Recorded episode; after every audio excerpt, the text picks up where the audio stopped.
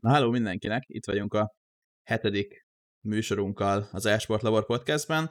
Ma Kúlióval és Gabuval fogunk beszélgetni különböző témákról. Sziasztok! Hello, hello! Hello, sziasztok! Na, ö, nyilván itt ugye Gabu lesz most a középpontban, de Kúliótól kérdeznék egy-két dolgot. Ugye most történnek a, a, az események sor, sorra a Budapest Fájval. Ugye az SEA Advanced Playoffba vagytok már, ötödik vagy hatodik helyen jutottatok tovább, nem tudom végül melyik lett. Hatodik és, szerintem. Igen, és az első meccset a, a Real Betis ellen játszottátok, ahol kettő egyre sajnos kikaptatok. Mit tudnál mondani erről a mérkőzésről, meg hogy így hogy megy mostanában a készülés? Hát a mérkőzésről azt tudnám mondani, hogy nem így kellett volna alakulni a készülések figyelembe véve, mert elég jól jól megy a felkészülés, sokat játszunk, jó csapatokat verünk meg, nem tudom. Nem úgy játszottunk sajnos az official mint hogy a gyakorló meccseken, emiatt kikaptunk. És mi, hogy érted azt, hogy nem úgy játszottatok, mint a, mint a gyakorló meccsen? Mi változott? Vagy kicsit nagyobb volt a nyomás, és akkor nem tudom, elizgultátok? Hát szerintem, hogy... igen, a nyomás hatására más döntéseket hozunk meg, mint egy pracokon. Tehát valaki nem mer kinézni, mikor ki kéne, valaki kinéz, mikor nem kéne, kicsit izgulunk, ezek a dolgok lehetnek. Nem, nem, nem tudom, hogy ez... Hát azok a szokásos, hivatalos Igen. meccses problémák. Igen. Tiszta vagyok vele én is. Na, Gabu, hogy vagy manapság? Mi újság veled? Jó, köszönöm. Örülök, hogy itt lehetek, és ezután is üdvözlök mindenkit. Köszönjük, uh, hogy elfogadtad a meghívást egyébként. Köszönöm a meghívást. Mert uh, már szeretünk volna beszélgetni mindenképp egy olyan személyel, aki így a másik oldalon áll a dolognak így az események során, meg így, meg így minden versennyel kapcsolatban. Ugye, aki nem tudná, Gabu egyébként a, a Hunes rendezvény és versenybizottsági elnöke, illetve az Esport egy szenyor versenyvezetője, vagy versenyszervezője. Szóval neki köszönhetjük igazából azt, hogy ilyen görüléken, görülékenyen mennek a kvalifikációk, illetve az MNEB, vagy akár még a V4 is. Gabbu, szerintem térjünk rá arra, hogy, hogy igazából hogy is ismerkedtél meg a, a, az e-sporttal, illetve, illetve miként kerültél így a közegbe. Húha, hát próbálom ezt a témát nem túlságosan hosszú elfogni ilyen értelemben. Ez egészen talán a, a 2000 uh, négy tájéka, uh, 2005. Um, igazából egy osztálytársamnak köszönhetem, hogy gyakorlatilag ebbe az egészbe belevonultam, ő volt az, aki azt gondolta, hogy jó ötlet lesz, jó ötlet lesz egy tört játékot eladni a, az osztályon belül. Uh, ugye ez volt azt hiszem a FIFA 05. Uh, és egy jó barátommal próbáltuk meg az online játékot annó, még jó kis DirectIP-s kapcsolódással, és kvázi onnantól kezdődött ez az online játék úgy, úgy összességében, és nem sokkal utána követte ezt az első verseny, mondjuk így, akkor voltam azt hiszem 14 éves, és így szépen lassan évvel évvel vonultam bele. Akkor nem tudtam, hogy igazából ez micsoda, nem tudtam, hogy mi az, hogy esport vagy ilyesmi. Talán ez a megnevezés sem volt túl aktívan használva, mondjuk így. Szóval onnan kezdődött az egész egy szimpla FIFA online játéka nagyjából. Aha. És ö, egyből így, nem tudom, beleszerelmesedtél a játékba? Vagy először csak egy játék tetszett, vagy amikor elkezdtél online játszani, akkor már úgy voltál vele, hogy hú, más emberek ellen is lehet játszani, akkor ez így nagyon fasza, vagy ez így hogy ment ez a folyamat? Ez hát elég gyorsan így a kompetitív játék felé terülődött a téma, mert nem sokkal nagyjából így az első online próbálkozások után találtam meg ugye az első platformot, ahol volt egy egy nagyon zárt FIFA közösség, és becsöppentve az nagyjából ilyen 100-150-en voltak, még annó az IRC-s, vagy Mirk, ki hogy ismeri azt a programot, a Discord elődje volt talán ilyen értelemben. Ott, ott volt egy ilyen összedettebb közösség, és mindenki elselezett kvázi, és így, így kezdtem el én is így versenyszerűen játszani, és ez a maga az egész felfogás, meg az egymással való versenyzés, az így a, abszolút a kezdetektől jelen volt, mondjuk így. Uh-huh.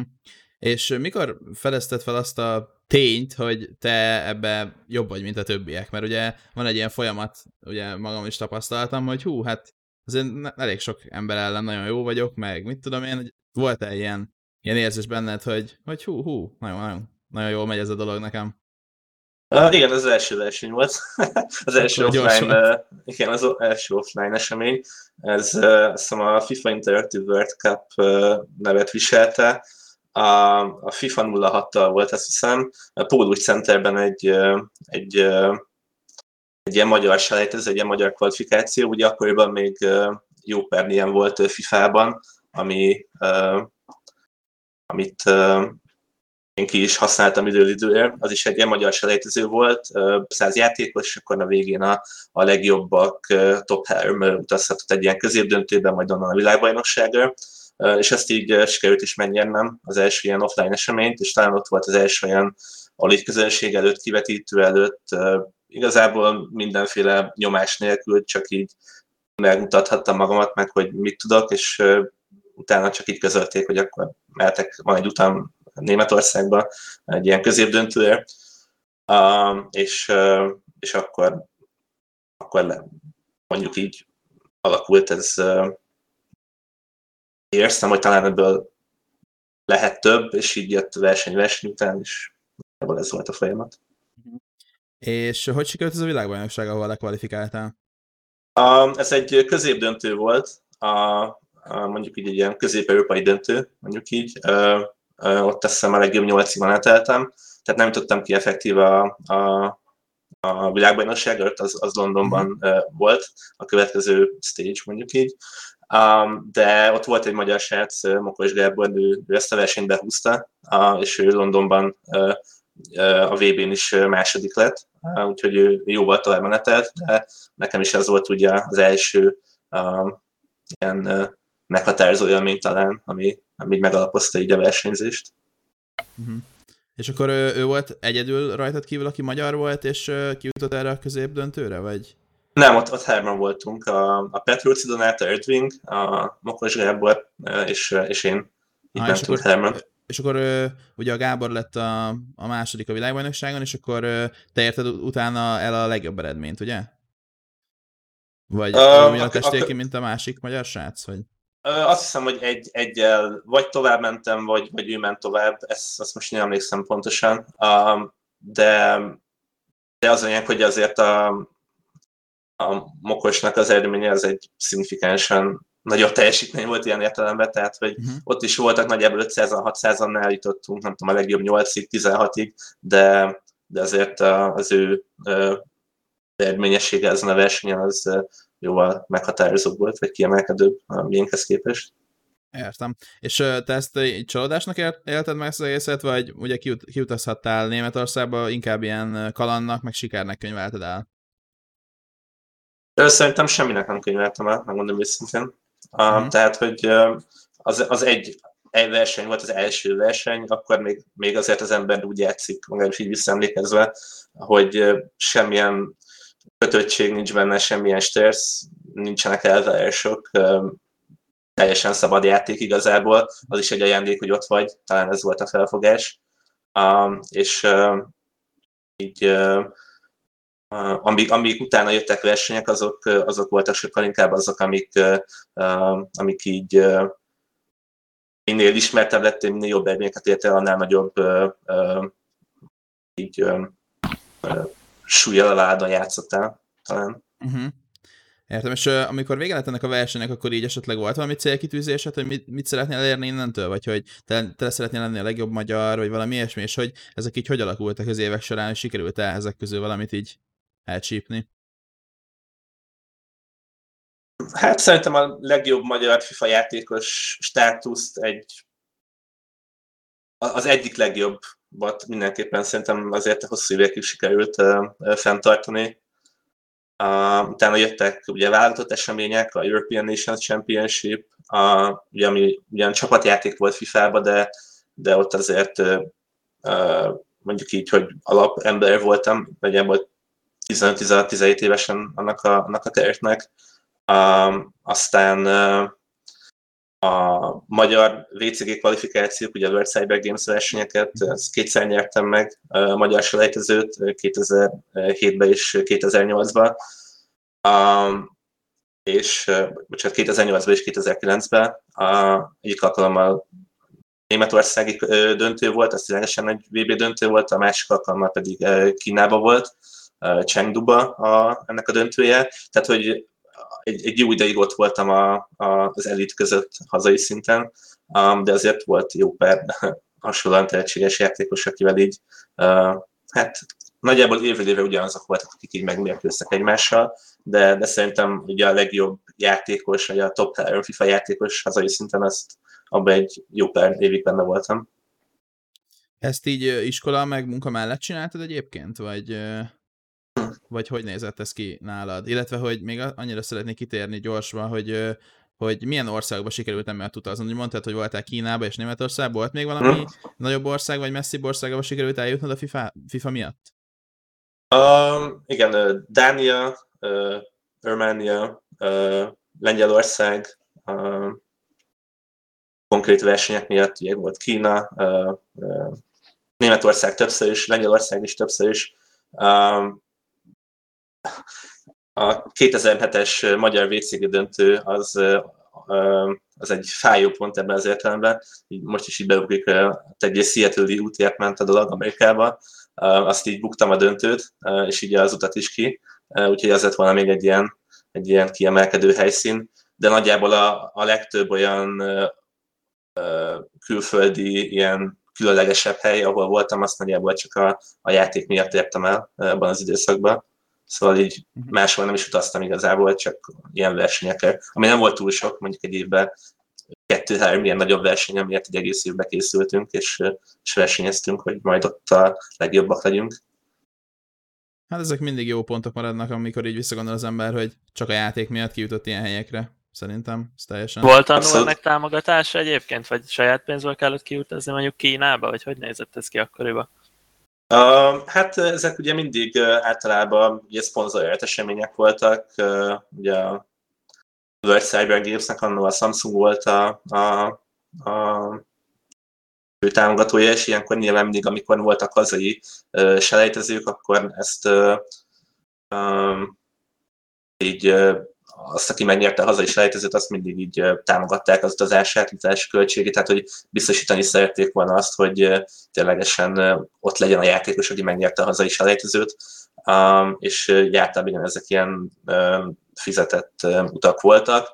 Az ilyen helyi lanok, mondjuk így, tehát ilyen külföldi nagyobb lanok, azok, azok meg saját, saját pénztárcából legtöbb alkalommal.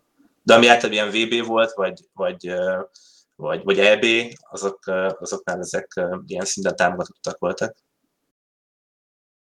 Értem. És akkor ennek a karriernek hogy lett vége, és miért lett vége? Mert ugye 2014-ben hagytad abba, ugye, a FIFA-t profi szinten. Uh, igen, 2014 uh-huh. igen. Aha. És tehát, hogy hogy jött el így a, az a pillanat, hogy azt mondta, hogy, hogy elég volt, vagy, vagy, vagy miért jött el ez a pillanat egyáltalán? Két, két fontos eleme volt. Hát, illetve szerintem jóval több, mint kettő, talán kettő, amit kiemelnék. A, az egyik az, hogy volt egy verseny Katowice-be, ez a, ez a Intel Extreme Masters Road to Katowice FIFA verseny volt. Ez egy ilyen al, alversenye, vagy al eseménye volt ugye a, a, az IM Katowice-nek, azt hiszem akkor volt meg, megszervezett talán második vagy harmadik alkalommal a, a, abban a stadionban, a Spodek arénában. Uh-huh. Igen, és uh, ott volt egy ilyen egy, egy verseny, ahol 8, 8 voltunk, egy, az egy döntő volt, uh, hat lengyel és két európai játékos, ott egy európai selejtezőt nyertem meg, és uh, hát ott gyakorlatilag azt érztem, hogy így kijátszottam magamat, harmadik lettem a, az eseményen, uh, és uh, vagy nem, bocsánat, negy, negyedik lettem, igen, tehát így pont lecsúsztam így a, a, a dobogóról, de így azt érzem, hogy így teljesen kiátszottam magamat olyan szinten, hogy ott, ott, ott így elfáradtam mentálisan mondjuk így az évekbe. Azért volt jó pár olyan, olyan esemény az évek alatt különböző versenyeken, ahol így úgy buktam, vagy vagy mondjuk egy ilyen hullámos út volt a, ez, ez a pályafutás, tehát sok szép pillanattal, szép eredményekkel, és jó pár olyan epic fail momentumokkal, amit, amit így, amit megfogja az embert FIFA-ban, és megmondhatom, hogy nem bármilyen sportba vagy e-sportjátékba, ami, ami kicsit elnyomja a bélyegét a, a következő évekre mondjuk így, és már, már nem tudtam kezelni a, azt a sok um, ilyen eseményt így egymáson az évek alatt, és um, ott így elfelejtettem, tehát hogy ez, ez volt a, az egyik oka. A másik pedig, hogy akkor már abban az évben kicsit így mentem, a, vagy becsatornázottam így az önkéntes versenyszervezésbe, és hát a kettő az kezdett nem összeegyeztethető lenni. Aha. És akkor nem volt egy ilyen választási lehetőséget, vagy hogy hát igazából így választási lehetőséget magad, hogy melyiket szeretnél inkább csinálni, és akkor ugye ez így közrejátszott, hogy kicsit kifáradtál egy a fifázásba, stb. stb. És úgy voltál vele, hogy akkor csak erre fogsz fókuszálni, hogy, hogy versenyszervezés, és akkor ebből indulsz, indulsz ki tovább? Hát ez, ez így, hát ez így hamar kiderült, hogy nem lehet a kettőt egyszer csinálni, vagy nem, nem tudom pontosan, hogy miért gondolsz így. Hát igazából arra, hogy, hogy ugye nem lehet a kettőt csinálni, de csináltad volna csak a FIFA-t is. Uh-huh. Tehát, hogy, um, hogy mi miatt döntöttél úgy, hogy akkor inkább azt a vonalat választod, és hogyha nem lehet kettőt csinálni egyszer, akkor a FIFA-t engeded el. Csak azért, mert ki voltál fáradva, vagy? Uh, igen, inkább, inkább szerintem ez volt a, a, a dolog. Sokkal jobban motiváltasz, vagy, vagy kezdett jobban érdekelni, hogy el, elkezdjek különböző versenyeket szervezni. Ugye évekig versenyeztem egy olyan közösségben, ami, ami így rendkívüli módon összetartó volt, vagy, vagy ilyen nagyon ilyen belsőséges mondjuk, és láttam, hogy ez egy kicsit így kihalóban van, és több, többet láttam abban, hogy, hogy ezt fel, fel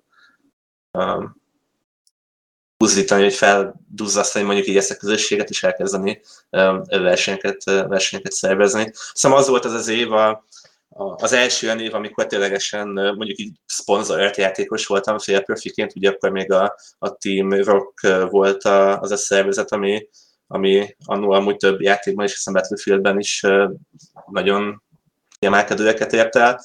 Azt hiszem az első év volt, amikor ténylegesen így konzervációhoz jutottam, és pont az volt az az év, amikor abba is hagytam nagyjából a játékot. A, szintén csak szerintem túl késő jött, mondjuk így.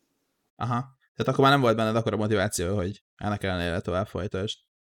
Nem, hát akkor már nagyjából ilyen kilenc éve versenyeztem, szóval... Uh-huh. Hány éves voltál akkor egyébként? Amikor uh, a bajtam? Aha. Uh, 20... Uh, 1-22. Aha.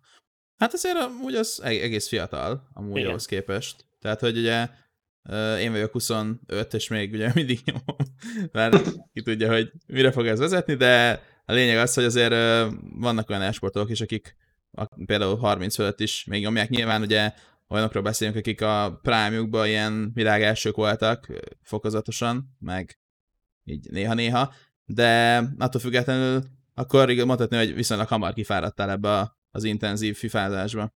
Hát igen, le, lehetséges, hogy 23, tehát talán az a max amúgy. Uh, ugye 14 évesen, uh, igen, igen, 14 évesen kezdtem, uh, és uh, talán 23 voltam, amikor abba jöttem. Aha. Na, és uh, ugye említetted, hogy amikor játszottál, akkor nagyon sokszor a, az ESL platformon uh, voltak megrendezve ezek a versenyek, illetve ugye a, a, a Katowice-s verseny is, ugye az is az első által szervezett verseny. Ö, hogy jött szóba neked innen ez az elsőles munka önkéntesen, és hogy mi volt így a feladatköröd, amikor ezt így elkezdted? Hát ugye annó, meg hát igen, annó úgy volt ez kialakítva, hogy ugye minden országnak volt egy saját egy ilyen belső hazai szekciója ugye a, platformon, ugye ott a saját országon belüli versenyek bonyolítottak le, és mellette ugye az ESL játékokra is bonította, vagy bontja a saját platformját ilyen értelemben, és én ugye évekig a magyar szekción belül, azon belül is ugye a magyar FIFA szekcióban versenyeztem, ennek is köszönhettem nagyjából elég sok tapasztalatot és lehetőséget, és miután mondjuk így a játék játék, vagy a versenyzés így kicsit háttérbe szorult, akkor kezdtem el és próbáltam ugye, ugye ennek a közösségnek különböző versenyeket csinálni, és gyakorlatilag a magyar FIFA szekción belül kezdtem el kupákat, de tehát jelentkeztem versenybírónak, adminnak mondjuk így, és akkor miután az ottani már tapasztaltabb versenyszervezők így elkezdték nekem magyarázni a dolgokat, akkor, akkor kezdtem el gyakorlatilag magyar FIFA versenyeket szervezni. Ez abból állt, hogy ugye meg kellett tanulni a platformot kezelni, a, mondjuk így technikailag használni, azért elég mély és komplex a, a rendszer, és utána megtanulni a, a szabályrendszert, illetve hát a kupa lebonyolításnak az alapjait és ennek a, ugye a magyar FIFA szekción belül FIFA kupák lebonyolításával kezdtem önkéntesen. És ez így hogy változott az idő múltán? Tehát, hogy hogy terjedt ez ki több játékra, illetve így a, a szerepköröd az ugye átmente, tehát hogy, hogy igazából átment önkéntesről fizetetre is, nem? Egy időben.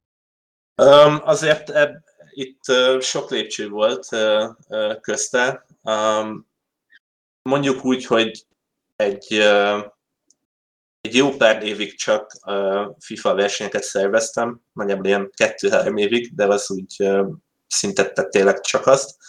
És utána ugye volt egy ilyen belső hierarchikus rendszer, ugye, hogy ki milyen pozícióban van, ez, és mi kell ahhoz, hogy ugye tovább lép, és akkor voltak ugye adott squadok, tehát különböző játékok, nem csak FIFA versenyek mentek, és akkor először FIFA admin, aztán utána a FIFA admin csapatnak a, mondjuk így a koordinátor vagy vezetője, és utána lettem úgymond a magyar régiós, vagy magyar területnek mondjuk így a, a főnöke, vagy, vagy vezetője, ahol a, ugyanazt, amit a FIFA-ban próbáltam elérni, vagy hát el is értem jó pár sok száz verseny szervezéssel, ezt így uh, kiterjeszteni a többi magyar ESL szekcióra, de ez még mindig önkéntes volt, tehát hogy ez, ez, ez évekig ment úgy, hogy, hogy ez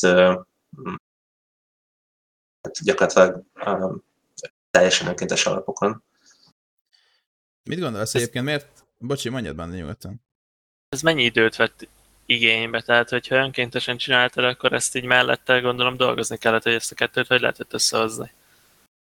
Um, hát igen, itt volt egy, egy olyan időszak, ami um, ahol munka és, és a munka mellé társult az önkéntesség. Um, én akkor volt egy időszak, hogy csak ezzel foglalkoztam önkéntesen. Um, ez egy meghatározott periódus volt, tehát semmi más nem csináltam, csak, csak ezt, mondjuk. Uh, volt egy ilyen időszak, amikor munka mellett tehát effektíve dolgoztam, és utána szabadidőben mellette csak azt.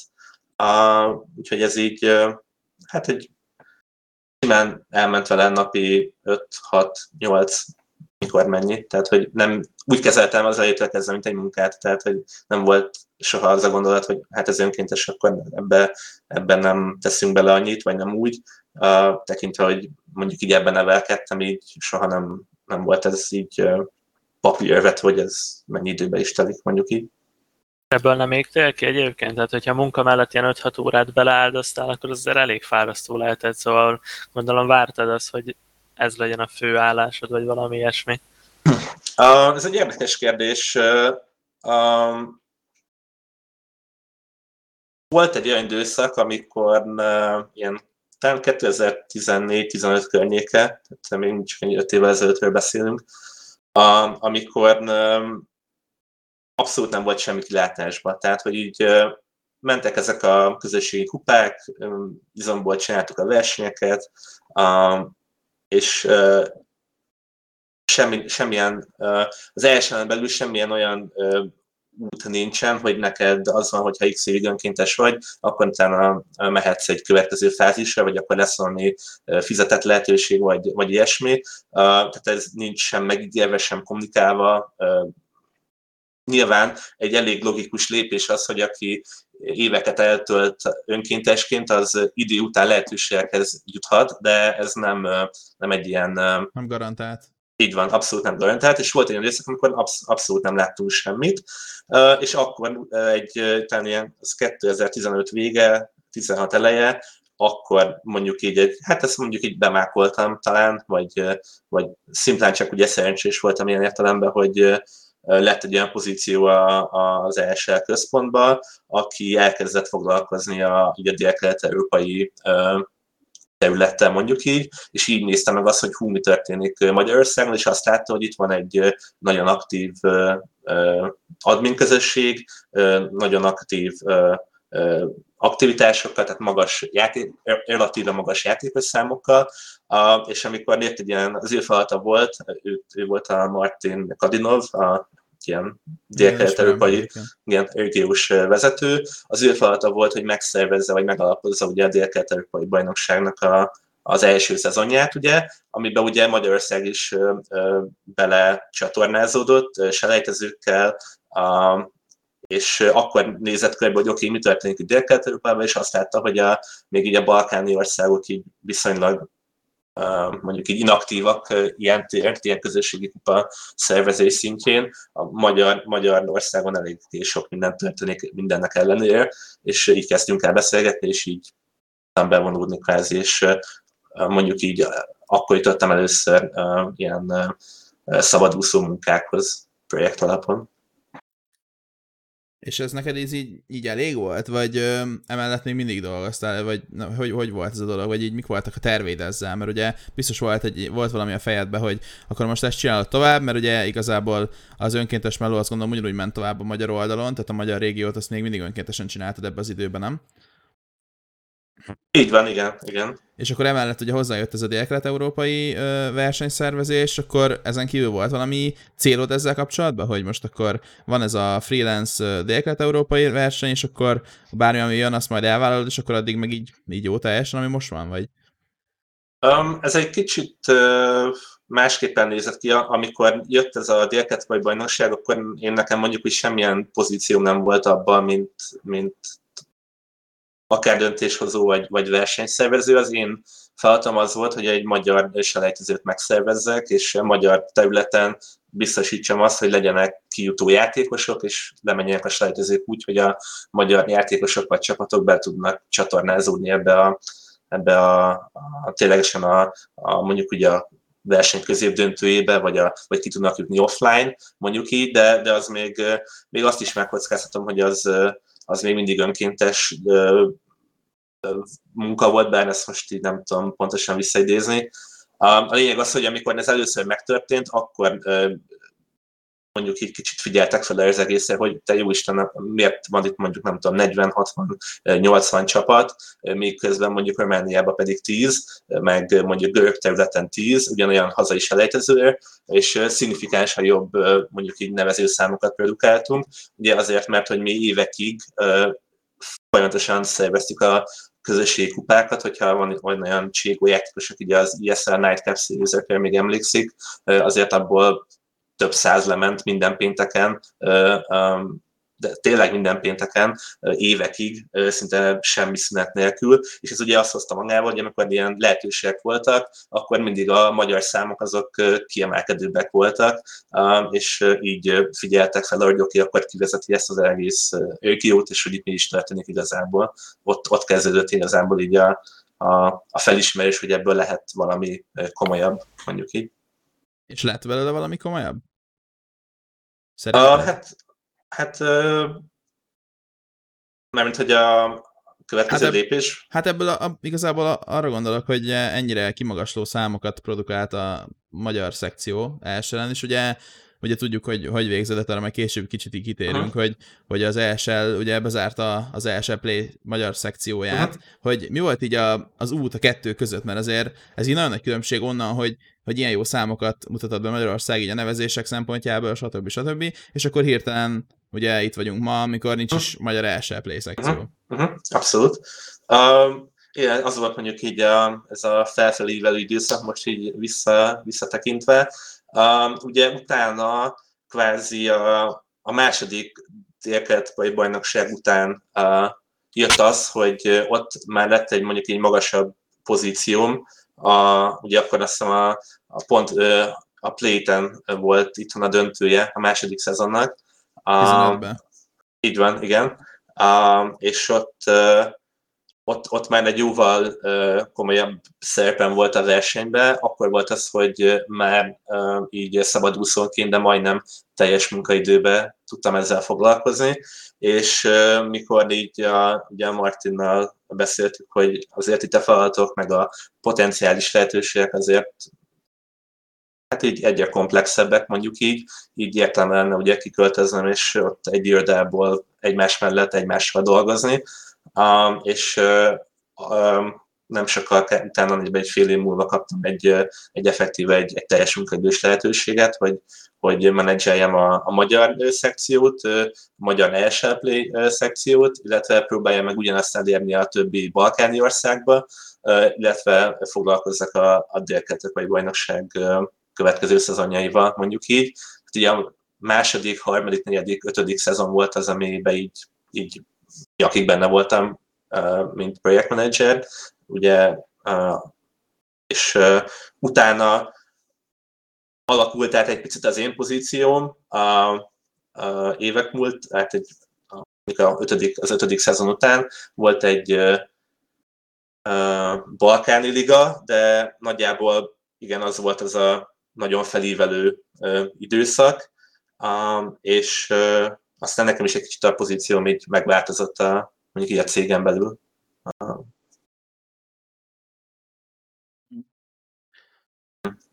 Tehát így... Mondjad. Tehát gyakorlatilag volt egy, egy ki jelentett cél, vagy hát egy, egy cél, amiért engem felvettek, ugye, de hát az e-sport világában azért eléggé, meg főleg az üzleti őrszében, hát a, ját, a maga a verseny világában is ezért a dolgok szinte hónapra hónapra változnak, és lehetőségek jönnek, mennek, és akkor ugrott be egy olyan lehetőség, hogy az Austria Telekom az A1 lehetett volna az első egy, egy, egy balkáni ligát, ez volt az A1 Adria League, és hát egy elég komoly összeggel beszállt úgymond az e-sportba, és akkor jött az a feladat, hogy oké, okay, Gabu, akkor van ennyi pénzünk, mit csináljunk ebből, hogy csinálunk ebből nemzeti ligát.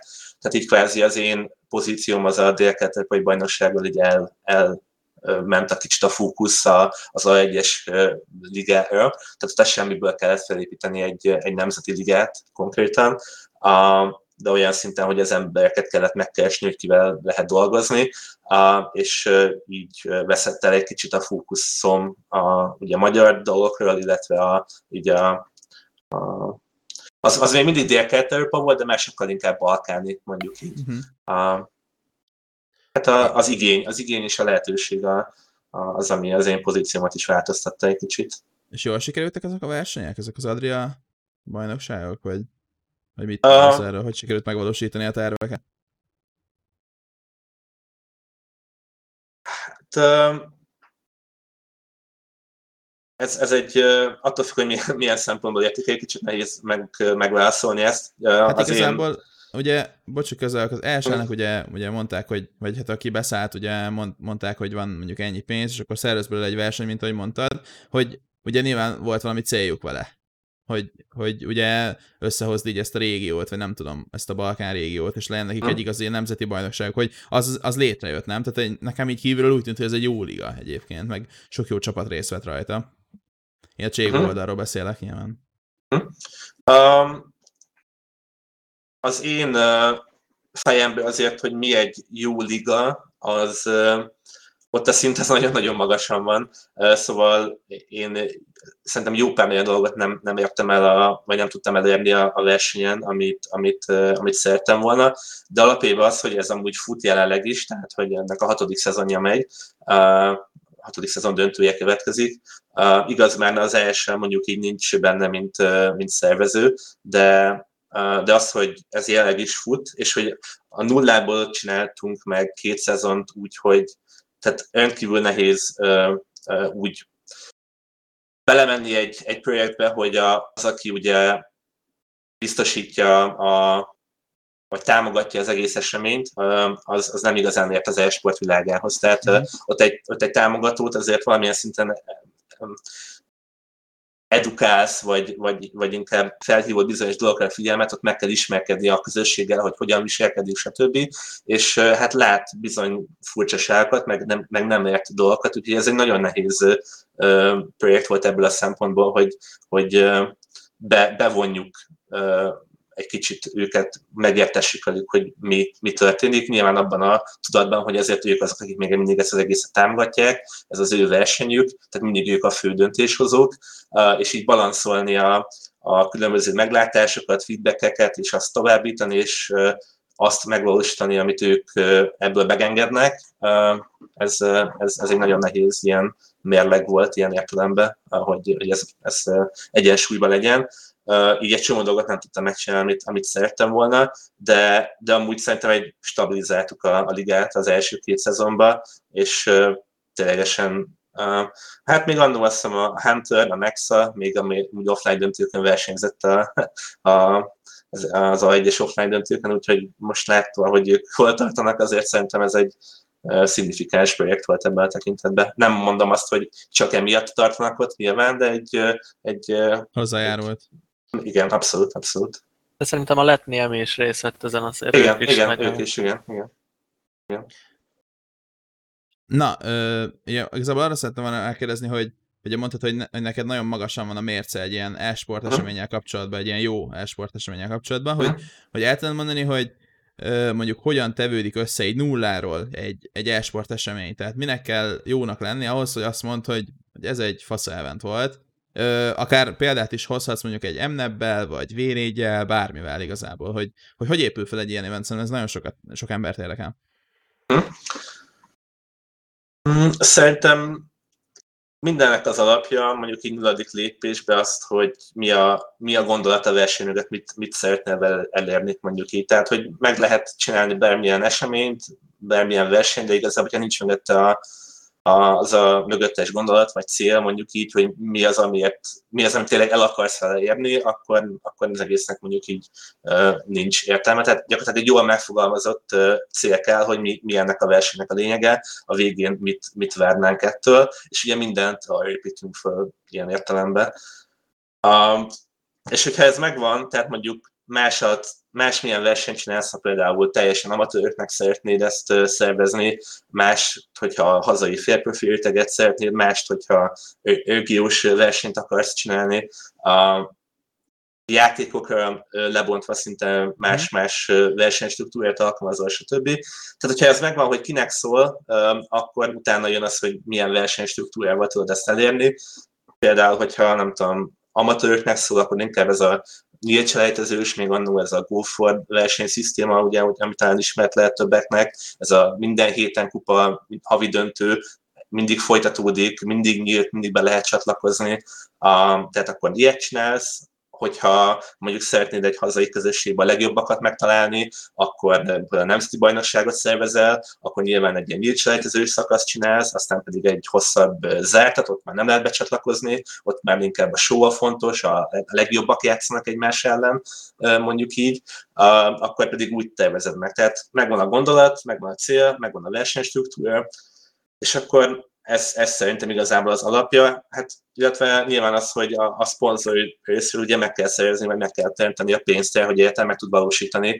Tehát mondhatod azt, hogy te mondjuk szeretnéd kiszolgálni a hazai félprofi réteget, de hogyha nincs el pénzed, nem tudsz díjazást adni, nem tudod megfizetni a benne lévő embereket, akkor nem fogsz ilyen ligát csinálni. Tehát szerintem ugye a CSS része, a, a, a tárgyalások a szponzor, az egy teljesen um, kvázi a, az erőforrások megteremtése, talán ez még hasonlóan a nulladik pont ilyen értelemben.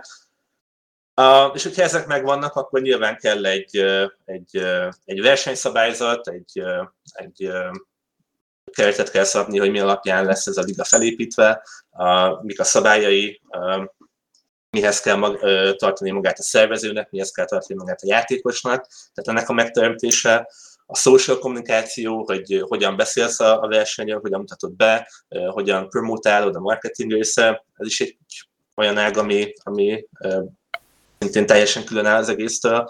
A, illetve hát nem külön áll, de a, hát, hát eleme, mondjuk így, egy fontos eleme. A közvetítés, hogy amikor megszervezed a selejtezőket, megvannak a csapatok, akkor ezt hogyan mutatod be, a, a, milyen technikával, a, milyen emberekkel, a, kik abba, a, ennek, a, ennek a megalapozása, hogyha ha például extern mondjuk van még pluszban erőforrás, akkor be tudsz vonni influencereket, olyan véleményvezéreket, akikkel el tud jutatni a versenyüzenetét a, a nagy közönséghez. Tehát, hogy itt azért elég sok szelete van mondjuk így, ami, aminek, aminek működnie kell. Olyan szerintem nincsen, tehát nincsen tökéletes verseny, nincsen olyan, hogy minden, ennek minden eleme ki van maxolva, tehát szerintem ez, mhm. ezt nem lehet elérni ilyen értelemben, de, de azt gondolom, hogy a, az én elem legalábbis, ami alapján igyekszem dolgozni, az az, hogy van a fejemben egy tökéletes verseny, ahol minden tökéletesen működik, és afelé próbálok hajazni, vagy arra hajazok, hogy ezt elérjem. És mhm. nyilván soha nem fogom. Mindig, mindig lesznek elégedetlenkedések, mindig lesznek olyan dolgok, amik, amiket nem, nem úgy látom, hogy nem működik jól, vagy működhetne jobban inkább, és, és azt próbálom javítani, vagy, vagy attól függ, hogy nyilván én is milyen pozíció vagyok, tehát hogy most inkább egy, egy-egy szeletért felek, a lebonyolítás szeletért a dolgoknak a hazai projektekbe, de például amikor projektmenedzser vagy, akkor nyilván az összes szeletet próbálod megkoordinálni egy, egy bizonyos szinten, jóval felülről irányítva mindenkit, mondjuk így. Uh, szóval uh, én, én, én mindig e felé hajazok, bárhogyan is foglalkozok egy versennyel, hogy, hogy, hogy ezt így uh, csináljam. Szerintem ekkor van értelme. Akkor kicsit menjünk bele így specifikusan, így az MNEB-bel kapcsolatban, hogy te mind a két szezonban részt vettél? Mind a két szezonjában az MNEB-nek, ugye kettő volt? Uh-huh. Um, igen, um, az első alkalommal um, inkább, ahogyan az előbb mondtam, felülről néztem a, a dolgokat kicsit. Ott a német Christian Avas volt az, aki aki így összefogta így a lebonyolítást, így operatíve, én pedig inkább ilyen kontrolláló szerbe voltam, illetve mondjuk így a, a a, az ESL, amiért az ESL felelt megvalósításért, azt ellenőriztem, de nem voltam benne uh, teljesen, uh, mondjuk így. Mm. Ugye akkor én a mondjuk ilyen Community Hub nevű szegmensben dolgoztam, az a 2019-es év volt, ott én nagyon-nagyon sok játékkal foglalkoztam uh, felületesen, ott már az inkább jóval ilyen menedzser pozíció volt, ahol azokkal az emberekkel foglalkoztam, akik a projekteket megvalósították, és velük dolgoztam, ellenőriztem őket, kontrolláltam, tehát ilyen formán voltam benne az emnebben is. Uh, míg a második szezonban ott, ott abba, abba pedig nyakik. Tehát, hogy ott sajnos a, a, a vas már nem volt ebbe benne, uh, és uh, uh, ugye az ESL, amiért az ESL felett lebonyolítás, abba, abba annak minden, minden szegmensében benne voltam ilyen értelemben. És mit gondolsz, hogy sikerült? Ez Én a, is ezt akartam kérdezni. Ez a, ez, a, ez a szezon, amiben igazából mind a kettőről beszélhetsz, mert ugye nyilván uh-huh. rálátásod az elsőre is, hogy, hogy mennyit fejlődött az első óta az MNEB, illetve hogy mik, a, mik voltak így a gyengeségei vagy erősségei. Uh-huh. Uh, fú, hát ez tehát egy egész műsornak az anyaga lehetne amúgy. Röviden, de, Igen. Uh, szerintem a, Hát általában minden alkalom, amikor egy első szezon csinálsz valamiből, akkor, akkor, akkor az egy kicsit ilyen káoszos az indulása. Szerintem én legalábbis ezt a feedbacket kaptam, és én is így érztem, hogy azért a második az egy fokkal stabilabb volt, mint az első, így lebonyolítását, szabályzatát tekintve, tervezhetőségét nézve, mondjuk így. de tehát így, így egy ilyen, mondjuk egy ilyen összeg, ezzel mondanám, hogy talán a második az jobban, jobban ment, mint az első. Um, és hát remélhetőleg ugye a harmadik az még, még, még jobb lesz, mondjuk így. Ez egy, ez egy folyamat szerintem, tehát minden egyes alkalommal vannak ugye tanulságok, olyan talán amúgy ez a kettőség, az első szezon talán egy kicsit kötetlenebb volt, mint a második szabályzatát tekintve, itt főleg mondjuk esetleg csíkba belemenve azért jó pár olyan akár a megjelenésekkel kapcsolatban, a kiosztott büntetőpontok, a, hogy mennyire szigorú a liga, chair szabályok, stb. Talán ez, ez túl szigorú volt, mondjuk így. Itt azért voltak ugye minor, major büntetőpontok, olyanok, amik pénzlevonással is sújtották a csapatot különböző esetekben. Ugye ez ilyen kötött átigazolási a megjelenésre vonatkozó, tehát mikor kell felérni egy Chigus server lolba, hogy mikor léphetsz le, mert hogy mit, milyen fájlokat kell feltöltened, biztosítanod a, a, a szervezőség számára. A, tehát szerintem a második az, az talán egy, egy kicsit túl, túl szigorú volt ilyen értelemben, de mindenképpen megalapozta azt, hogy a, hogy a harmadikban egy, egy ilyen középutat találva jó pár visszajelzés alapján ugye olyan ligát tudjunk csinálni, ami, ami stabil, játszható olyan értelemben, hogy köti is a csapatokat egy bizonyos, bizonyos dolgokhoz, de ad egy, ad egy pici, pici, picivel több szabadságot, mondjuk így. Ez, ez lenne a, ez lenne a cél, meg hát ugye azért a játékosok tanácsa megléte azért szintén nagyon sokat segít ilyen értelemben. Ugye ezt a Hunessen belül a rendezvény és versenybizottság felel ennek a működtetésért. Itt egyre jobban sikerül szerintem közös nevezőre hozni azt, amit a, a, az MNEB részevők szeretnének, illetve a, illetve a, a, a liga is elképzel. Például szerintem a, egy, egy potenciális két szezonos lebonyolítás, az egy ilyen, hogy egy évben két, két MNEB szezon legyen, ez, ez egy olyan dolog, amit mi is látunk, hogy, hogy segíteni a hazai csapatokat, tehát hogy meg, megalapozza azt, hogy, hogy mondjuk legyen hat hónapnyi versenyszezon egy évben, mondjuk a, a három helyett, és hogy ez, ez mennyire tényleg sokat segítene.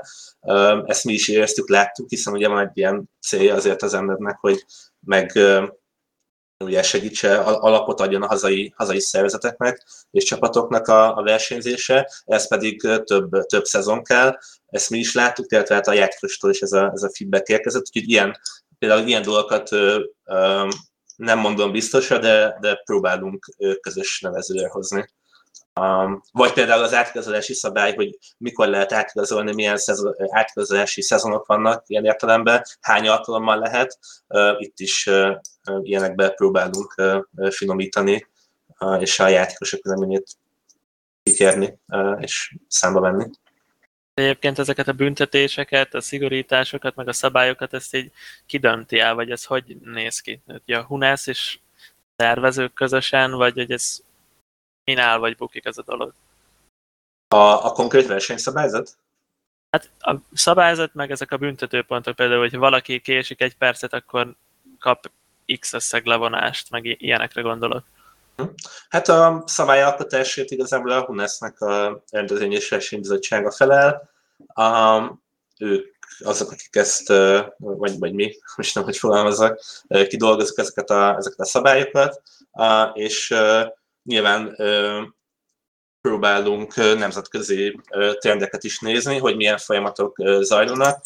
Például, hogyha nem tudom, a Rainbow Six Siege-nek a, a, a most indult ilyen VB-s verseny lebonyolítását megnézitek, vagy megnézitek ezt a szabályzatot, akkor látja, hogy milyen bizonyos szabályszegésekért milyen típusú büntetés jár, mondjuk először, másodszor, harmadszor, és hogy ez hogyan idomul egymáshoz, hogyan növekszik alkalommal.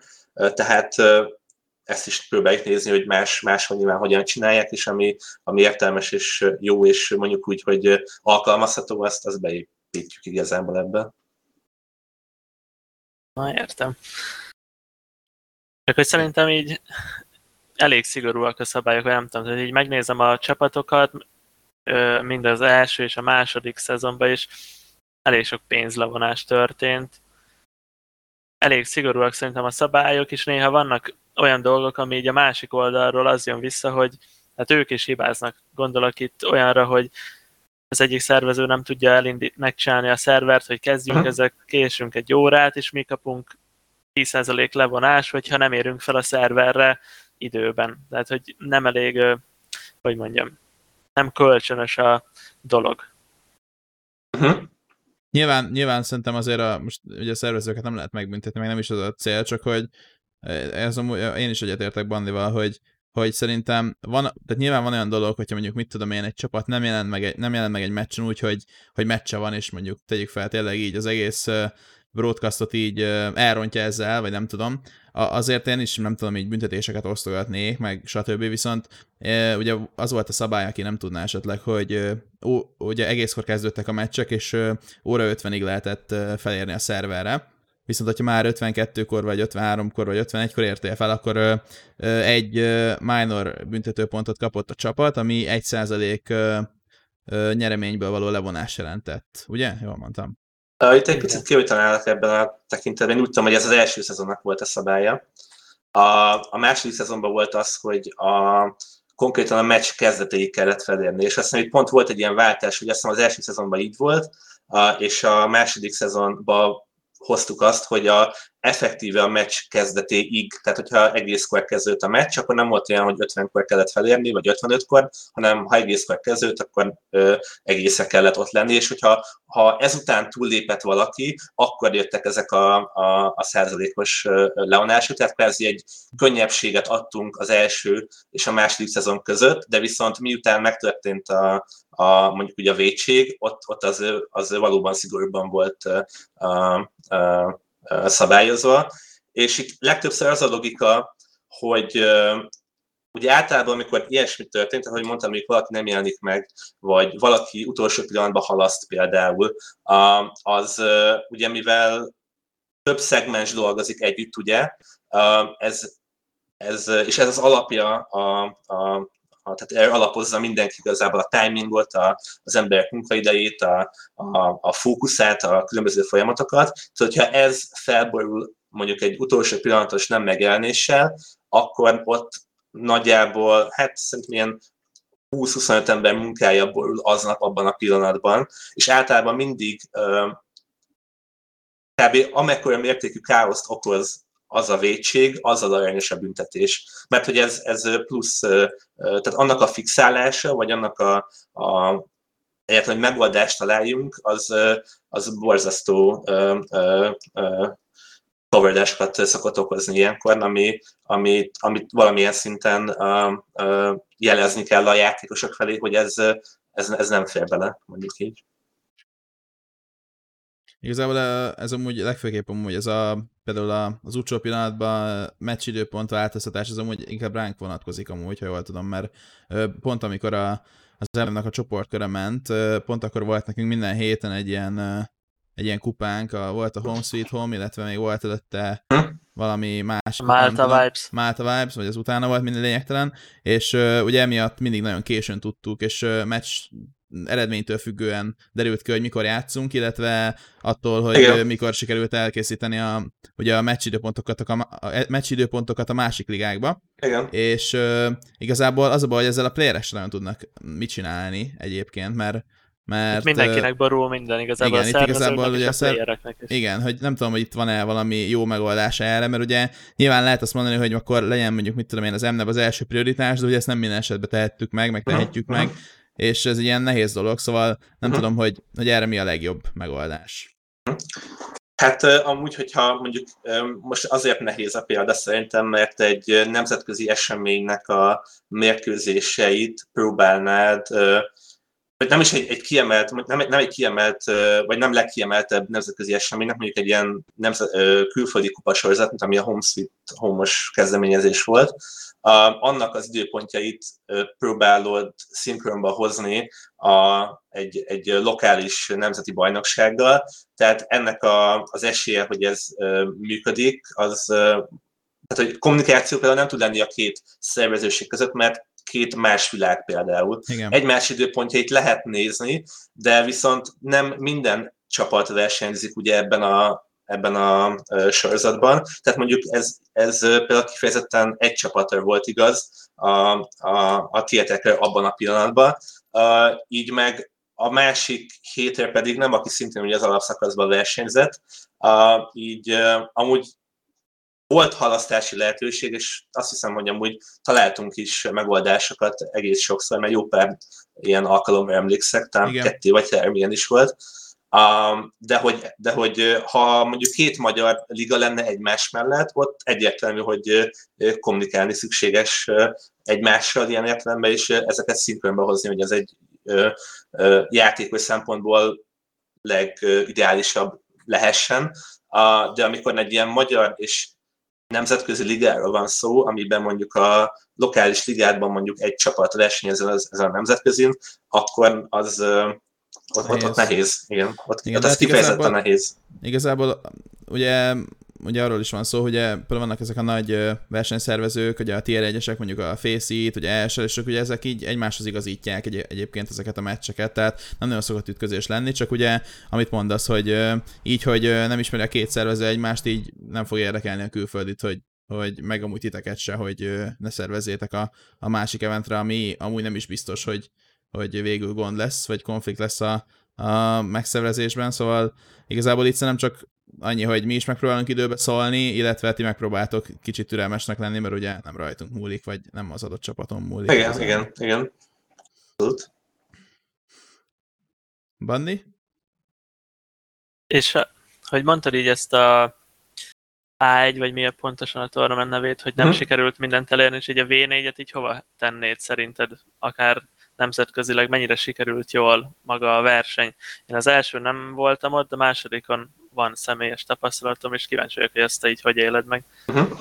Hát, én a V4-en az online selejtező tabanitásáért feleltem a mélységébe, uh, úgyhogy én, én azzal kapcsolatban tudok nyilatkozni. Uh, ott nyilván több száz csapat versenyzett, amik itt ott az offliner, uh, itt a magyar, a lengyel és a szlovák, illetve a cseh régiónak a kvalifikációját, a kvalifikációit menedzseltem, illetve tartottam hatóságom alatt, mondjuk így, és igyekeztem, hogy meglegyenek azok a csapatok, akik ugye kijutnak, és szabályosan jussanak ki, és ez rendben legyen. Az offline-on nem, nem voltam ott élőben, tehát nem, nem, nem dolgoztam,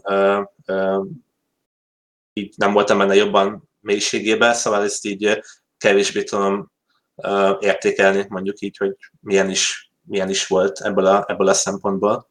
Nem tudom, hogy pontosan milyen vagy kíváncsi. Az online selejtezők azok, azok szerintem jók voltak. Volt egy-két meleg eset mondjuk így, ami, ami, ami, ami nehéz volt, de, de Egyébként meglettek azok, akik jutottak. Így a, az online selejtezőre nyilván nekünk ez egy fájó pont, mert és főleg nekem, mert én mind a két online selejtezőn elbuktam, Banni meg ugye velem bukott most uh, tavaly augusztusban a, a BO5 döntőbe, hogy, hogy mi alapján készül el egyébként a zárt a lebonyolítása. Mert én amúgy például nem voltam személy szerint megelégedve a, a másodiknak a lebonyolításával, mert, mert voltak BO1-ek a, a kvalin. És nem tudom, hogy ez mi alapján van, vagy, vagy időhiány miatt alakult ez így, vagy, vagy hogyha időhiány, időhiány miatt, akkor igazából hogy, hogy lehet az, hogy egy ilyen nagy eseményre időhiány van? Tehát, hogy igazából így több kérdés van ezzel kapcsolatban, hogy ez így hogy jöhetett létre, de szerintem nagyon nincs helye egy ilyen nagy versenyre kvalifikál,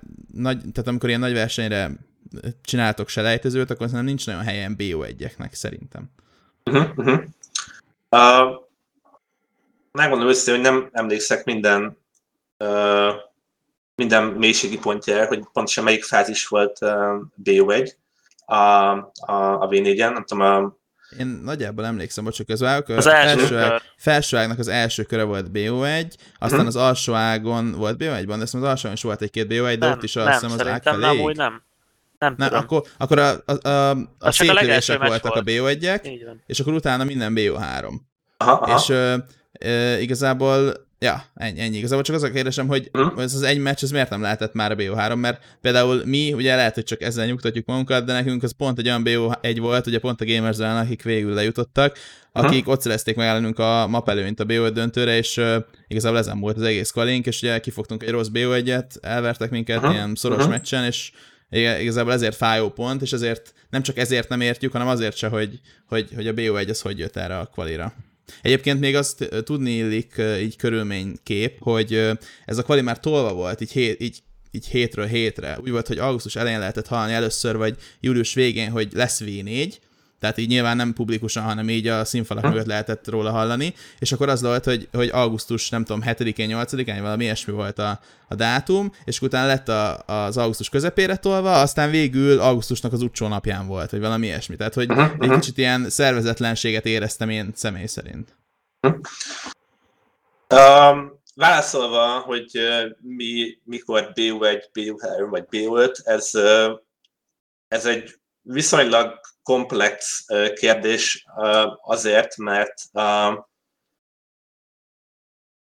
például um, szimpla faktor szerintem egy mondjuk egy BU3, BU5-ökkel való mondjuk alsó-felsőágas kupának a megszervezése, az egy nap alatt, hogyha csak egy napod van, az, az szerintem, és nyolc csapattal, az bármelyik játékban sok. egy örömálom, az, az nagyon-nagyon sok. Uh, tehát súlyoznod kell, uh, hogyha egy napod van, és ez a, ebből indulunk ki, súlyoznod kell, hogy akkor pontosan melyik uh, azok a mondjuk így jelentételenebb fázisok, ahol, uh, ahol érdemes uh, mondjuk, vagy el lehet lőni ezt a BU1-es kártyát ilyen értelemben, hogy azt a fázist gyorsabban letudod, azért, hogy a mondjuk ilyen jelentőségteljesebb fázisokra pedig még aznap maradjon idő, hogy még az aznap le tudjon menni. Um, az, hogy nyilván jön a logikus kérdés, hogy akkor miért nincsen két napos elejtezője, vagy három, de miért nem hosszabb ez mondjuk ilyen értelemben. Um, ez ö, nyilván a, nem tudok most így a Vénik kapcsán konkrét választ adni, hogy ez miért volt így, de azért, amikor itt tolódnak a bejelentések, az, az valóban azt jelenti, hogy, hogy más olyan ö, ö, mondjuk így szervezésbeli probléma van, ami, ami igazából a legvégén a, a versenynek a mondjuk egy zárt selejtezős szakaszát sérti a legjobban ilyen értelemben. Tehát, hogyha nyilván egy, egy ideális világban minden jóval előbb történik, minden hónapok előtt be van jelentve, minden kvali pontosan ugyanakkor történik, és minden mondjuk ilyen zárt selejtezős része, mondjuk nem tudom, van három-négy nap, ahol mindegyik csapat meg tud jelenni, és a lehető legkomplexebb struktúrában játszik, ahol, ahol ténylegesen a játéktudás alapján nem szólhat bele egy-egy mondjuk rossz forma, hanem annyi meccs van, hogy a, a meccsek összesség alapján végül kijön a, a legjobb ö, ö, csapat, és biztosan a legjobb csapat jön ki, csak hát a, a valóság az sokszor, az sokszor más, és sokszor van az idő, ami arra van, hogy mondjuk előkészülj egy, egy versenyen, vagy felépítsd, ki- kitaláld a, a szabályrendszerét például, az, az meglepően kevés, és ilyenkor ez is közrejátszhat, hogy, ö, hogy például egyszerűbb mindenkinek egy egynapos nyolc csapatos alsó felsőágos kupát megcsinálni, mint például mondjuk a közvetítőket ketté osztani, vagy harmadolni, vagy a, a benne dolgozók összességét másképpen beosztani. De én, én értem, amit mondasz, hogy, hogy valahol szintén azt is meg kell tartani, hogy legyen annyi meccs olyan komplex versenybebonyolítással, hogy tényleg a végén a legjobb, legjobb jusson ki, mondjuk így, és minden kevesebb ilyen luck faktor legyen ebbe, akár sorsolás szempontjából, vagy, a, vagy, a, vagy egy-egy, egy-egy meccsnek minél ö, kisebb jelentősége legyen. Ha például ugye a LoL VB-n full egyenes ágasba tolják, ugyan b meg nyilván egy másik játék, de hogy ott például ezt a részét nem, nem, nem, nem, nem teszik mondjuk így Igen, mondjuk komplexebbé. azért az nagy különbség amúgy, hogy BO5 egyébként, mert Igen, ugye igazából még a BO3 single elimination is egy csomó tornán van, ugye Cségó tornán Igen, is, igen. szóval azzal sincs egyébként gond, igazából csak annyi, hogy, hogy szerintem minél jobban redukálva van ez a BO1, annál jobb. Uh-huh, uh-huh, uh-huh. meg igazából, Játszol. hogyha így, így személy szerint az zavar amúgy, hogy ugye mondtad, hogy így ugye akár időhiány, vagy akár ilyen problémák is lehetnek, hogy ugye a két v között volt másfél év kb. És, ö, és szerintem kicsit rossz, hogy hogy az, hogy nem tudom, hogy jól jöjjön ki a timing, meg ilyenek, az a, amiatt megy így a, a verseny minőségének a rovására. Tehát, hogy, hogy ugye ja, egyébként ez egy kétnapos kvali volt, és azt hiszem a második nap már csak egy vagy két meccs volt, tehát szerintem igazán Mhm. beleférhetett volna még az a pár, Mhm. pár plusz map, az az egy-két plusz map, szóval szerintem inkább ez egy ilyen, ilyen kommunikációs dolog, vagy annyira nem volt átgondolva, mint szerintem kellett volna legyen, de igazából most már lényegtelen csak arra voltam kíváncsi, hogy, hogy mik a faktorok az, ennek az eldöntésében. De igazából válaszoltál rá teljes mértékben. Amúgy még egy ilyen javaslat, amit lehetne erre, nem tudom, hogy lesz-e később a V4, vagy bármi, hogy a, akár MNEB-re is, hogy szerintem nem csak a main event lehetne így például offline. Hát gondolok itt az MNEB, vagy bocsánat, a V4-nek a close qualiára, hogy ki fog lejutni a main eventre, az le lehetett volna akár offline körülmények közt is játszani, ez nyilván több szervezés, meg szponzorok, meg mindentől függ, csak hogy azért ez egy nagy dolog volt itt Magyarországon, hogy valaki lejuthat erre a V4-re, és lehet egy offline körülmények közt másképp alakulnak a dolgok. Abszolút. Az ötlet jó, mert hogy én ugye annó, uh, és nem azért, hogy, hogy magam, vagy ilyesmi, nem erről van szó egyáltalán, csak hogy ugye az, hogy például ki milyen szerepkörben van amúgy egy projektben, azért az, az azt is érdemes látni. Tehát, hogy ugye ott az első például nyilván alvállalkozója volt a, a megvalósításért felel, és akkor az úgy néz ki, mondjuk így, vagy úgy nézett ki ebben a kapcsolódásban, hogy azt mondják, hogy így néz ki a projekt, ezt csináld meg. És onnantól kezdve a, talán az online sejtezőknek a tervezésében, hogy hogyan javasolnánk, akkor uh, abban benne voltunk, de hogy például hogy néz ki a, egy adott, tehát egy, egy ilyen, ilyen uh, uh, kapcsolat, vagy üzleti kapcsolatban, hogy néz ki a, a ki miért felel, az általában ott meg van mondva, hogy egy ilyen, vagy legalábbis akkor meg volt mondva, hogy ez, ezt szeretnénk, ez van, és például az, hogy amit mondasz, hogy legyen lanos selejtező, az, az, az így nem is volt kérdés, hogy mit gondolsz te arról, mint akár Neesel, vagy, vagy bárki, hanem ugye ott, ott az nem volt a képbe, az nem volt egy terv, vagy lehet, hogy terv volt, csak hogy az addig már elvetődött. Így uh,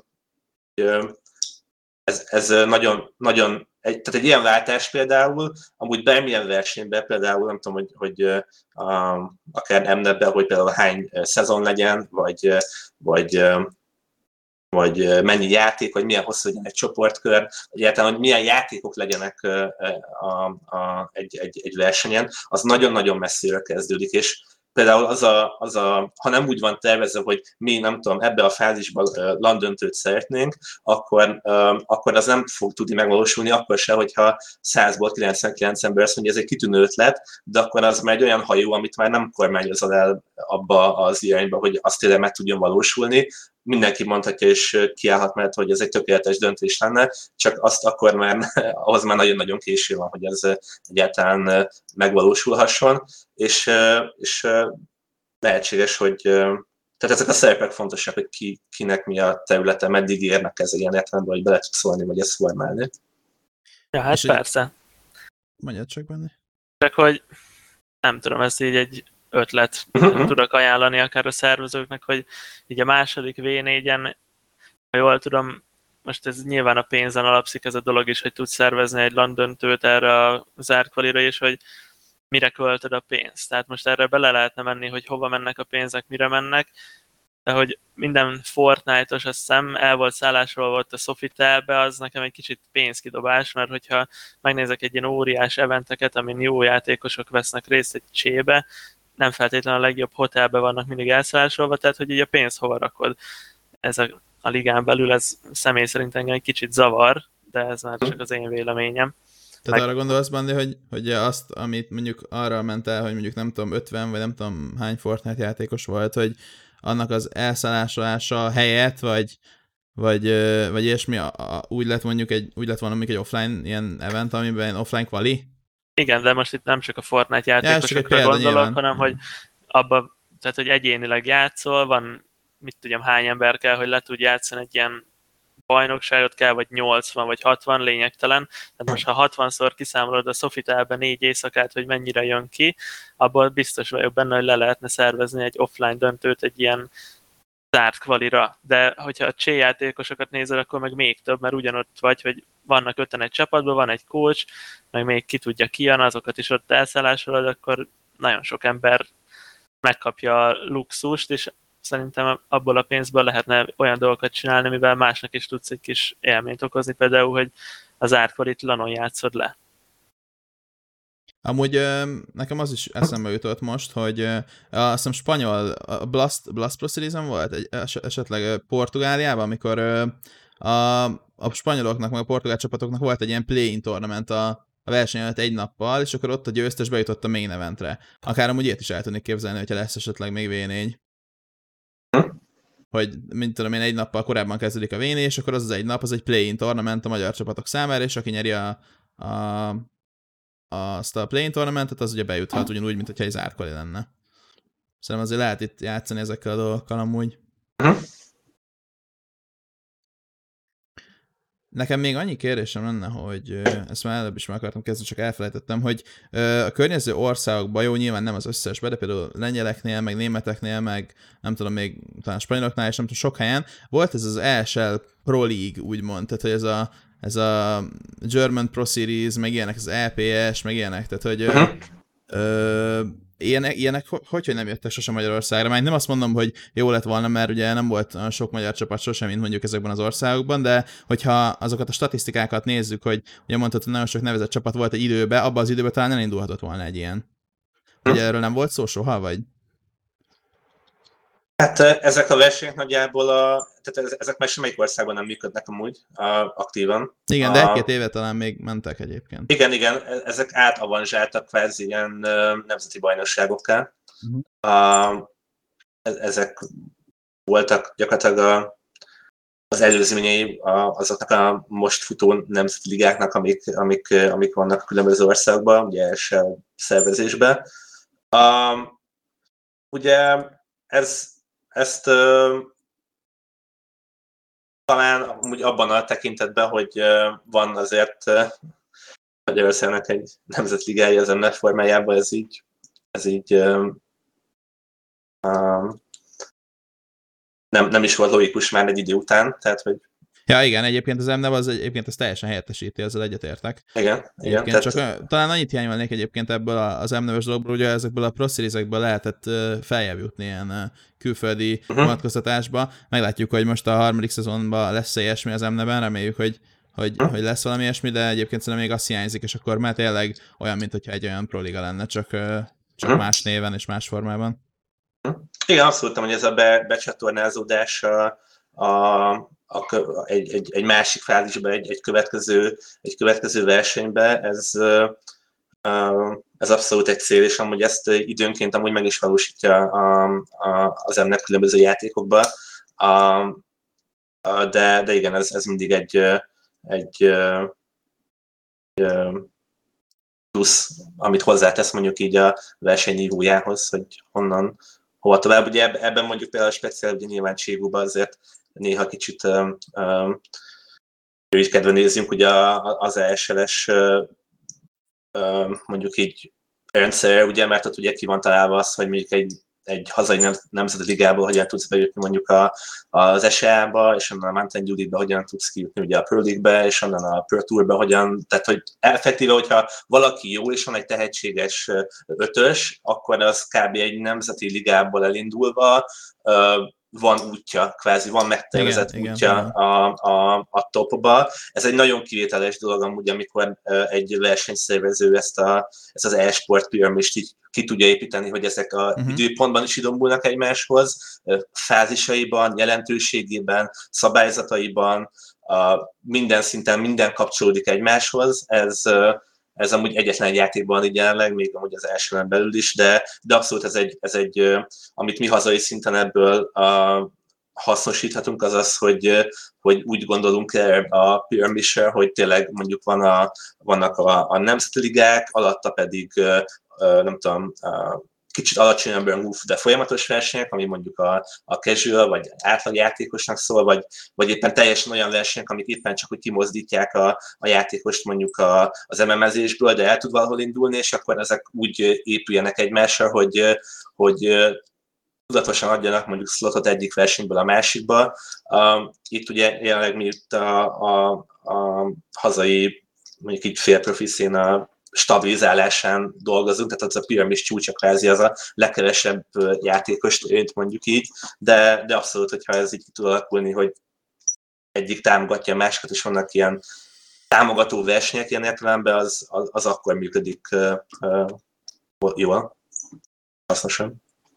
Egyébként ezt a, mondtad ezt a Mountain Dew uh, ligát, hogy ez van, ez a Climber Cup egyébként. Így van, igen, az a nemzeti bajnokságnak, igen, igen. Igen, az a, azt az, az A1 Adria ligáról is be lehetett jutni oda, ugye? Így van, illetve, sőt, szek, szek, a SZEK és az A1 győztese, ugye a dél bajnokságnak a, a győztese, még amikor ugye volt aktív dél bajnokság, um, azt, hogyha magyar csapat nyerte volna adott játékból, a, és illetve Cségóból specifikusan, akkor meg tudott mérkőzni az A1 Adria Liga győztesével, uh-huh. és annak a győztese tudott bejutni a, a azt hiszem a Kleinberg Cup-ba. Aha, igen, Aha. és onnan pedig el lehetett az MDL igen. relegation Így van, igen, igen, igen, igen. igen.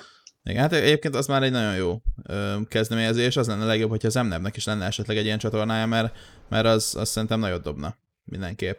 Hm. Ö, szerintem nem van, szeretné még valamit kérdezni, Bandi? Mm, nem, nagyon. Jó, akkor elérkeztünk ahhoz, hogy a chat kérdezhet. Ö, várjuk chaten a nézőknek a kérdését bármivel kapcsolatban. És akkor és akkor utána lezárhatjuk a műsort. Gabu, neked még van valamiről szeretnél beszélni, nem beszéltünk? Azt hiszem a, a, arról talán beszélhetnénk még, ameddig jönnek a kérdések, hogy ö, hogy indulhat el valaki egy ilyen ilyen e-sport úton úgy, hogy nem játékos, hanem mondjuk versenyszervező szeretne lenni, valaki kedvet kapott így abból, amit mondtál, és akkor mit, mit tanácsolsz neki, hogy így mik a lépések ahhoz, hogy egyáltalán rájön, hogy mit szeretne, és hogyha ezt szeretné, akkor, akkor milyen mm, tulajdonságok szükségesek ahhoz, hogy ezt jól tudja csinálni? Hát ugye tekintve, hogy én is egy ilyen ezt, ezt nagyon lehet tanulni mondjuk így ugye a versenyszervezésnek a, a, így a, a szakmáját, ilyen értelemben ezt, ezt mondjuk úgy csinálni kell. Tehát minél több olyan lehetőséget kell találni, ahol, ahol tudja csinálni az illető, és mivel lehetőségek azért viszonylag korlátozottak abba, hogy itt nyilván tudás nélkül valaki valamiféle jutatásért, uh, vagy, vagy ilyesfajta munkáért pénzt kapjon, az nem is jogos, hiszen nincs meg a tudása. Így logikus, hogy az önkéntes társadalmi munkában való részvétel, és a minél több és színesebb formában való becsatornázódás az ilyen projektekbe, az az, ami oda vezethet, hogy idővel annyi tapasztalatot pakol magára az ember, hogy, hogy akár tud magától saját versenyt csinálni, vagy pedig, vagy pedig olyan hasznos tagja lesz egy szervezői csapatnak, ahol, ahol, ahol ezt el ahol tényleg ez igény van az ő, az ő tudására. Tehát abszolút, aki az sem a nullából kezd ilyen értelemben, keresünk el azokat a lehetőségeket, hogy, hogy hol lehet úgymond segíteni, akár csak nem tudom, egy, egy offline eventen ott vagyok, és nem tudom, segítek mondjuk setupolni, és akkor ennyi a feladatom, de már látom, hogy hogy működik, vagy Így online az önkéntesek, az önkéntes melók szóba, ugye? Így van, így van. Vagy egy online ligánál nem tudom megfigyelni, kicsit platformokon versenyeket szervezni nyilvánvalóan önkéntes módon nincs más a lehetőség, és kvázi meghozni azt az áldozatot, hogy, hogy ténylegesen az időt, az időt a tapasztalatért cserélve mondjuk így, és majd a tapasztalatot talán később beváltva így lehet nagy vonalakban eljutni. Amúgy most már jó pár olyan versenyszervezői platform van, ami ingyenes, és akár Battlefy, akár a Faceit, vagy a tournament például, vagy a Challenger mód jó, nagyon-nagyon színes a skála, ahol szinte bárki magától el tud kezdeni kupákat csinálni, mondjuk így, legalább megnézni a platformot, és utána utána ebbe bele-bele saját dolgokat szervezni mondjuk úgy saját magától, illetve amúgy a legtöbb platform amúgy már segít is, tehát hogy ott külön support van amúgy a szervezőknek, és ezt bárki igénybe veheti, akinek kérdése van, hogy hogyan csinálja meg egy ligát, vagy egy versenyt. Igazából ez a saját körültekintéstől függ, és hogy ki mennyi időt tud beleáldozni. Nyilván az én utam egy kicsit más volt, mert az ESL rendszerében tanultam ezt meg, az egy zárt közösség, oda jelentkezünk el, ott fel kell ö, vegyenek, és utána becsatornázhatsz egy ilyen, egy ilyen mélységi ö, rendszerbe, ahol lépésről lépésre megtanítják, hogy mik, mik ennek a lépései. Amúgy a nemzetközi szekcióban még mindig lehet jelentkezni, és lehet mindenkinek próbálnia magát, hogy elfogadják a jelentkezését ez is lehet egy út amúgy, hogy, hogy valaki ebbe így elkezdi az első ilyen szánypróbálgatásokat. Te egyébként nem gondolkoztál azon, hogy így a nemzetközi elsőhez csatlakoz, vagy?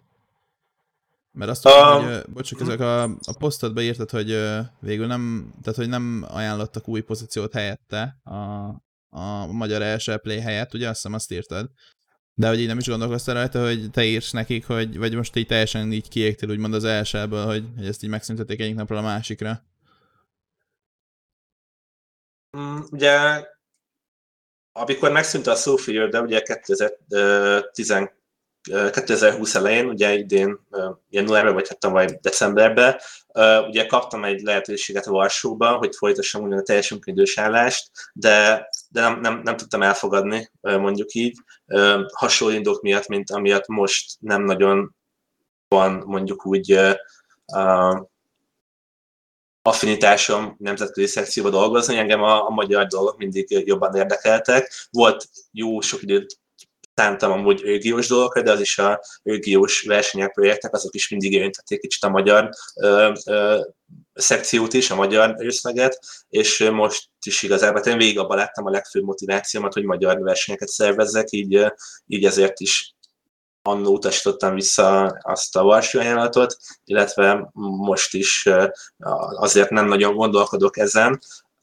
hozzáteszem, az azon, azon elgondolkodtam, hogy mivel ott még mindig van jó pár játék, ami aktív a platformon, ezért jó magam is, amikor van egy teljesen új játék, amihez kevésbé értek, és szeretném átlátni, hogy hogyan működik, akkor simán nekem is egy út még mindig az, hogy akkor oda bemegyek, megnézem, hogy hogyan működik ez az egész amatőr szinten, mik a szabályok, hogyan mennek a versenyek, és megtanulom az a játékot, és kvázi hát ebben a szakmában, meg amúgy szerintem a ez minden igaz, hogy sosincsen egy ilyen tető, amit elérsz, hogy mindent tudsz, és mindig vannak új játékok, mindig vannak szabályváltozások, és így, így én is folyamatosan tudok tanulni, úgyhogy talán ezen, ezen még így, ezen még játszok ezzel a gondolattal, hogy, hogy ebbe így bent maradni, de amúgy én mindig többet láttam a, a magyar dolgokkal való foglalkozásban magyar projektekkel, és most a, ezzel a bezárásra ez így egy elég nagy százaléka megszűnt, így nem sok affinitást látok Ha, akkor másfél. igazából számíthatunk arra, hogy uh, így az MNEB meg, a, meg ezek a kvalifikációk is más platformra csúsznak? Mert másra, mint az ESL? Uh, ez abszolút benne van a pakliban. Uh, itt a cseten közben kérdezték, hogy, uh, hogy a Covid után lehet-e szó V4-ről, nem tudom, hogy mennyire vagy ezzel képbe, vagy mennyire lehetünk mi képbe. Uh, hogy erre tudsz-e válaszolni? Ezzel kapcsolatban semmit nem is tudok, és nem is tudok nagyon érdemi információt mondani, mondjuk így. Uh-huh. Oké, uh, egyébként még nekem is van egy kérdésem, hogy uh, ugye már nagyon sok játékkal dolgoztál, és hogy uh, van esetleg egy ilyen kép kialakulva a fejedbe így különböző játékközösségekről, hogy melyik a játékközösség az, amelyikben így a legélvezetesebb dolgozni, vagy akikkel a legjobb együtt dolgozni? Uha, ez egy nagyon becsapós kérdés. Gondolom nem a csé az. Nincs jó válasz, mondjuk, hát bármit mondok, amit többiek megesznek. um, de, de nyilván igen, tapasztaltam uh, uh, különböző uh, különböző uh, uh, dolgokat, különböző játékos közösségektől. Uh, talán amit uh, inkább a pozitívat emelném ki. Szerintem a hazai Rainbow Six Siege közösség az egy, az, ami mondjuk így hozzáállásába, vagy a szervezettségébe, mentalitásában talán egy olyan, olyan közeg, aminek mondjuk ugye a legkönnyebb ilyen mondjuk egy nemzeti bajnokságot megszervezni. Tehát ő, őket emelnék pozitív, pozitív példának, a, a, a negatív példákat nem, nem, nem említeném. Mondjuk azt nem is, nem is, nem is kell, igen. Na, akkor egy utolsó kérdés Gabunak a chatről, és akkor szerintem ennyi volt már ez az adás. Bandi, neked van esetleg kérdésed? Hmm. Azóta. Még a chatet nézegetem én, hogy látok-e valamit. Van egy jó, hogy követed -e még a magyar FIFA mezőnyt? Hm? Most az utóbbi időben sokkal jobban követem. Volt egy az MTK Sport Arenában egy FIFA 21 nyitó verseny, ott, ott azon konkrétan dolgoztam is, és úgyhogy abszolút képbe vagyok, illetve hát ja, most ugye a megyék csatája FIFA 21 vonalon is elég szorosan mondjuk így kapcsolódik a, a hazai legjobbak, illetve a játékosokkal. A, követem, most sokkal jobban követem, és, és nagyon jó látni, nagyon, nagyon örülök annak, amit látok, hogy mennyi, mennyi játékos van, mennyi olyan valós klub van, amelyiknek, akiknek már van hivatalosan igazolt FIFA játékosa, és hogy ez mennyi egy ilyen kompetitív közösségé kezd el válni sok, sok arc, aki csak nekem új igazából, mert jó per ugye nem, nem követtem, de, de sok arc, sok különböző személyiség és sok tehetséges játékos látok, akik, akik mondjuk úgy szívvel lélekkel játszanak, és ez, ez, ez talán nagyon fontos ebben a, ezen a szinten, vagy, vagy ebben a fázisban. Igen, értem. Van kérdés a, az MNEB Season 3-ról, arról mennyire beszélhetsz, gondolom nem mennyire? Uh, nem nagyon mondhatok semmit. Jó, ö, akkor aki itt kérdezte a cseten, hogy mikor indul a PUBG Season 3, és hogy milyen platformon lesz, neki sajnos várnia kell, amíg hm. meg lesz a hivatalos... Ezzel kapcsolatban annyit, annyit, annyit tudok mondani, hogy ugye a Hunes játékosok tanácsán belül azért folyamatosan beszélgetünk játékosokkal, tehát ezek a, ezek a kérdések, ugye a játékos tanácsa, ugye az X, illetve Season 2 MNEB csapatokból delegált játékosok, ugye a csapatok delegáltak ebbe a bizottságba, és ott az ilyen kérdésekben, hogy mikor, melyik játék, milyen platforma lenne érdemes, ez, ezt folyamatosan monitorozzuk, tehát a, ténylegesen szeretnénk ugye közelebb hozni ezt a kettőt, tehát a szervezői elgondolásokat és a, a játékosok feedbackét vagy véleményét, és ugye ezért is találtuk ki ezt a, ezt a szerveződést, és ezért is működtetjük, hogy kvázi ez minél jobban közös nevező legyen, úgyhogy ezt tudom mondani, hogy, hogy ami ott el, elhangzik, vagy ott téma, az, az mondjuk így, hogy a Earth van, hogy érdemes lenne megvalósítani. Akkor uh, annyit még esetleg uh, el tudná nekünk árulni, ilyen spoiler alert, hogy, uh, hogy idén lesz erről valami információ, hogy idén lesz egy bejelentés ezzel kapcsolatban? Uh, elég, elég, uh, elég esélyes, de nem tudok biztosat mondani. Jó. Oké. Uh, jó, srácok, szerintem ennyi volt akkor így már ez a, ez a beszélgetés. Köszi Gabu nagyon szépen, hogy itt voltál és elfogadtad ezt a meghívást. Köszönöm Kúliónak, hogy, hogy velünk tartott, és mindenkinek, aki itt volt velünk. Kövessetek kérlek titeket a Youtube-on, Discordon, Instán, Twitch-en, mindenhol, ahol csak tudtok. És hogyha ez egy nagyon fontos pont, hogyha szeretnétek csapatot találni, akkor a Discordon van erre lehetőségetek és holnap várható egy videó az új honlapról. Ebben a streambe szerettem volna megmutatni a weboldalt nektek, de kicsit csúszni fog ez holnapra, és egy videó formájában majd átrágjuk, hogy mik lesznek ezen a weboldalon, illetve hogy ti mit szeretnétek. Szóval köszi még egyszer, hogy itt voltatok, és köszönöm is az, ur- köszönöm az uraknak itt még egyszer. Én köszönöm a lehetőséget és a meghívást. Na, jó ét mindenkinek, viszlát, sziasztok! Sziasztok! Hello! Hello.